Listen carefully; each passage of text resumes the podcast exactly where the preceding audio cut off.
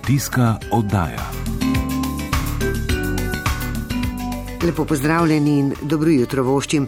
Brez namakanja ni več kmetijstva. To je že dolgo dejstvo. Zdaj namakanje sicer ni potrebno, bo pa kaj kmalo aktualno oroševanje v primeru pozebe. Danes bomo govorili o namakanju in seveda o tem e, oroševanju. Z nami je specialist za sadjarstvo pri Kmetijsko-gozdarskem zavodu Nova Gorica, Vasja Juretič. Prav lepo pozdravljeni. Dobro jutro. E, začniva seveda. Na začetku in sicer pri vodnem viru, iz katerega namakamo. Kateri so možni vodni viri? Ja, vodni vir je vsekakor osnova, da sploh začnemo razmišljati o namakanju. Ta najbolj osnoven vodni vir eh, je seveda vodotok, z katerega lahko črpamo vodo oziroma zajemamo vodo, vendar eh, bomo tudi v nadaljevanju nekaj rekli, potrebno si je pridobiti vodno pravico za zajemanje vode iz eh, tega vira. Podtalnica tudi zaenkrat nimamo še težav, vrtine, vodnjaki, vse to je možno. Možno je seveda loviti oziroma zajemati vodo tudi iz meteornih kanalov, se pravi padavinsko vodo nekje v nekem zajetju uloviti in jo na zalogo tam hraniti za te sušne mesece. Tista, mogoče tudi bolj ugodna uh, možnost vodnega vira pa je trenutno tudi možnost uh, namakanja iz vodovodnega omrežja, se pravi pridobiti vodno dovoljenje za uh, uporabo vode iz vodovodnega omrežja.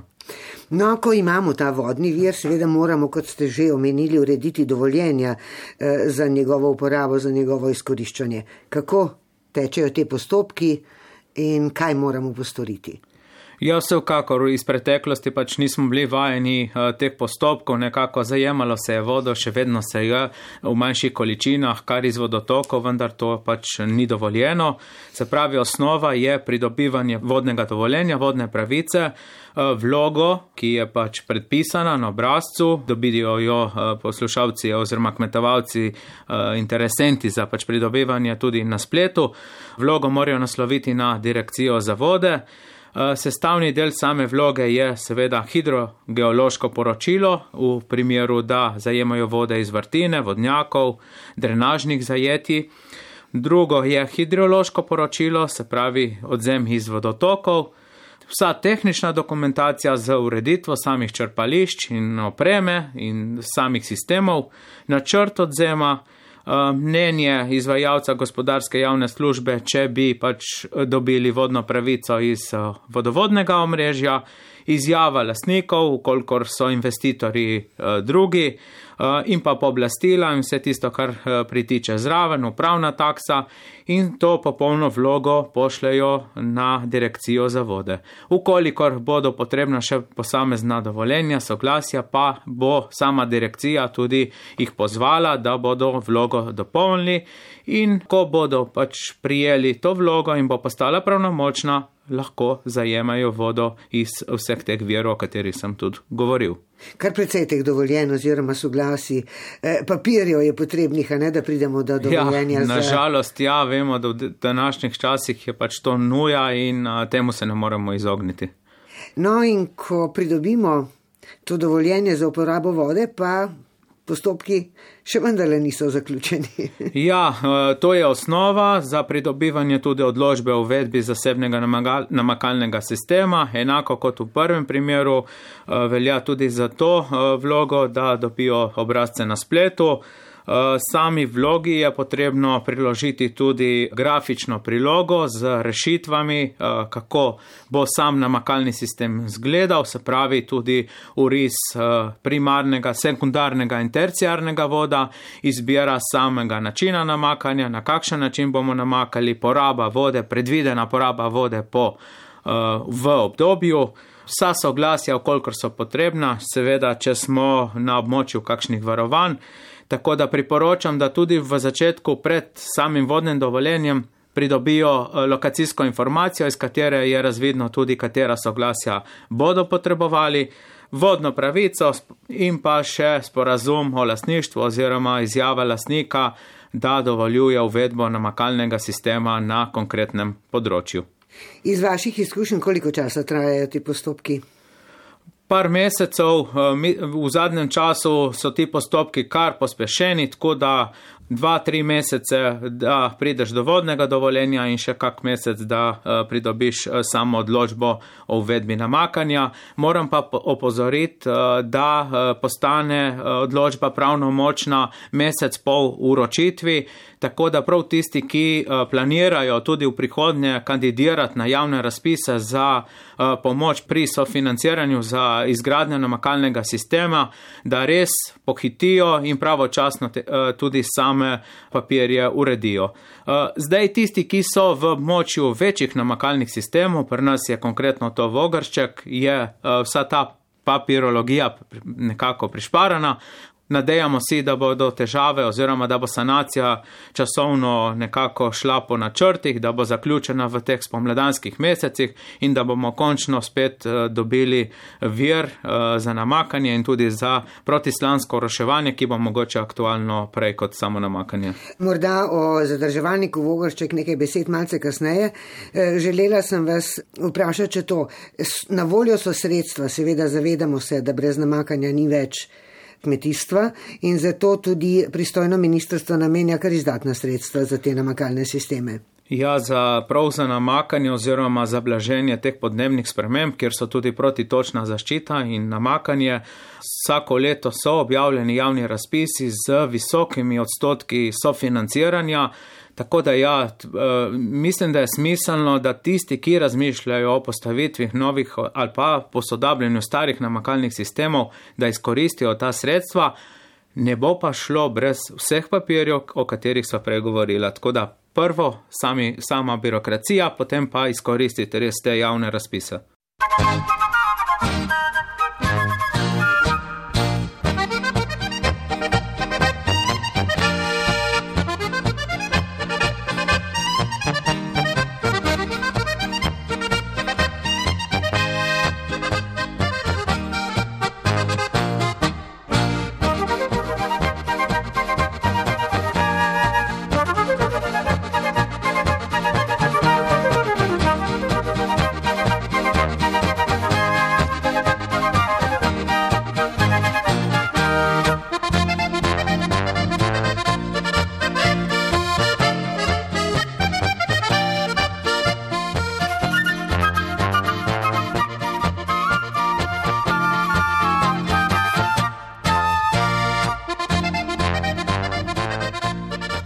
Zdaj pa morda nekaj več o samem konkretno o namakanju.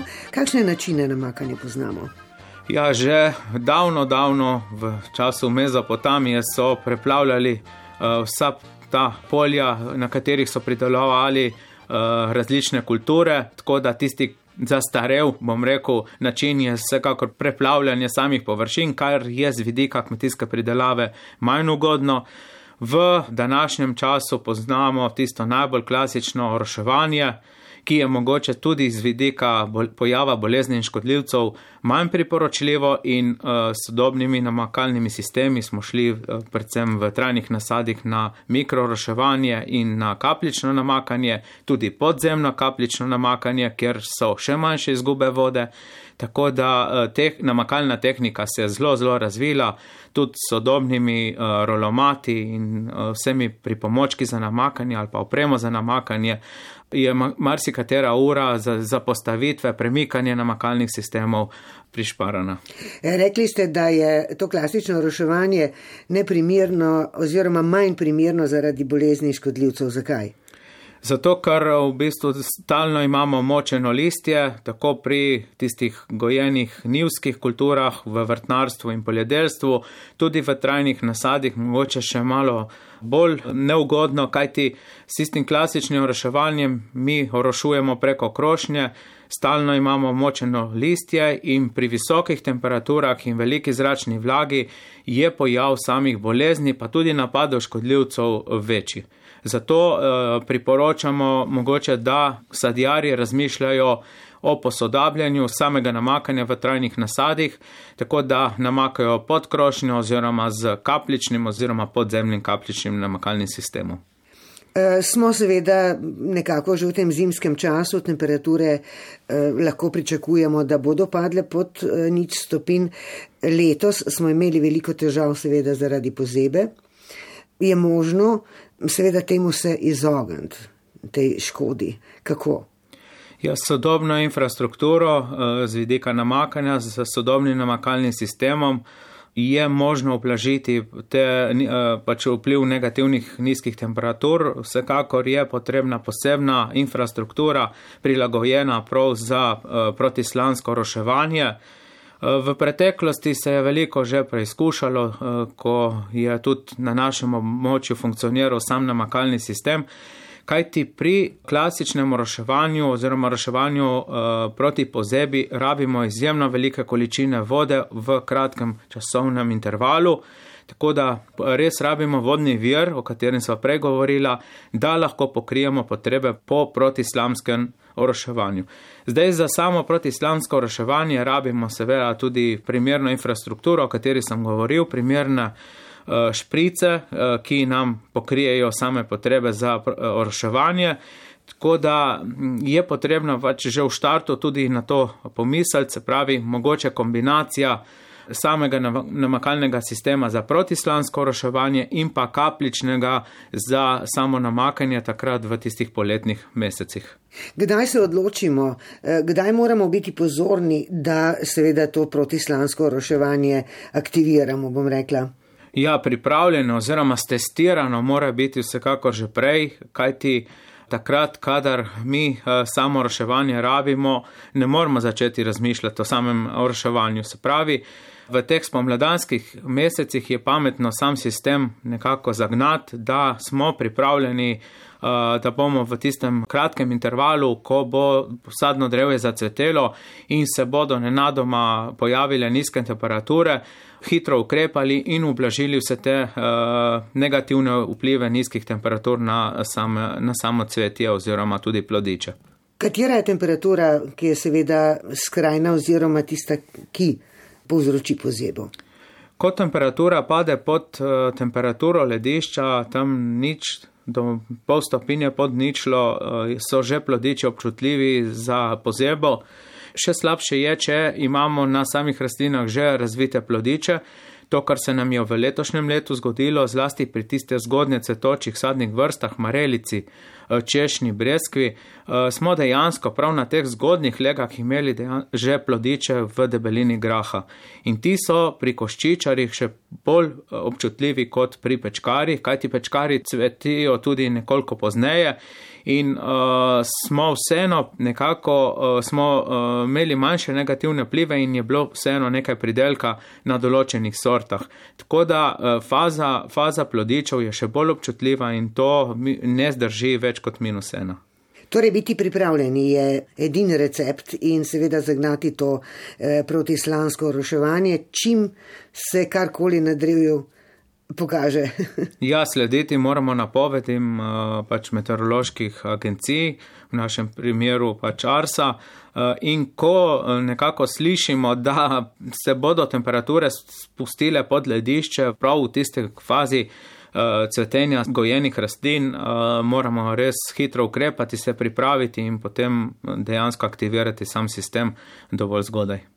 Eh, ob koncu morda še nekaj eh, besed o zadrževalniku Vogršček. Vemo, da je v fazi sanacije. Napoveduje se, da bo vendarle ta pregrada in vse, kar sodi zraven, sanirano do eh, nekje do februarja meseca. Kakšno območje, kolikšno območje je odvisno od tega zadrževalnika?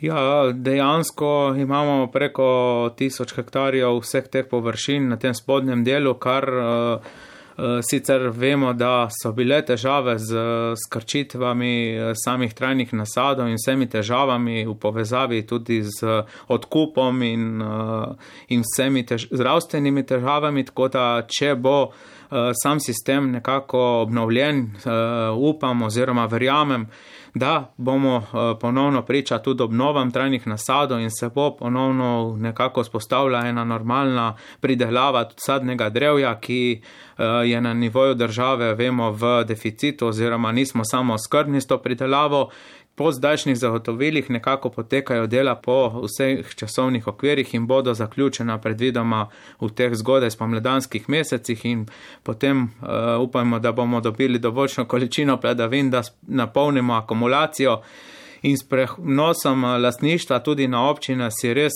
nadejam, da bomo tudi sam razvodni sistem obnovili in vzpostavili stanje namakanja tako, kakršnega si želimo, mi in tudi kmetovalci. Tako da upamo, da je na vse dobro. Kot strokovnjaka vas vprašam, seveda, vsa ta sanacija, eh, obnova tudi teh razvodov, kar se načrtuje, bo potem eh, spodnja Vipavska oziroma Vipavska dolina preskrbljena, eh, vkolikor bodo seveda zadostne količine padavin. Ja, mi eh, vedno dobimo dovolj padavin, vendar niso razporejene takrat, kadar si mi želimo. Tako da, če znamo vodo nekako uloviti in jo hraniti na, na dolgi rok, za tiste sušne mesece je vode dovolj in uh, tudi z plani za izgradnjo namakalnega sistema v zgornji Vipavski dolini, ki bi bil tudi priključen na ta vodni vir, bi bilo celotno moče Vipavske doline uh, Eh, omreženo z namakalnim sistemom in to bi eh, dejansko omogočalo tisto pravo pridelavo, ki si jo zagotovo mi in kmetovalci želimo. In ki jo seveda Vipavska dolina tudi omogoča. Tako. Vas je Retič, najlepša hvala. Hvala za ta zanimiv pogovor in seveda dobre eh, nasvete vsem, ki jih na tem področju potrebujejo.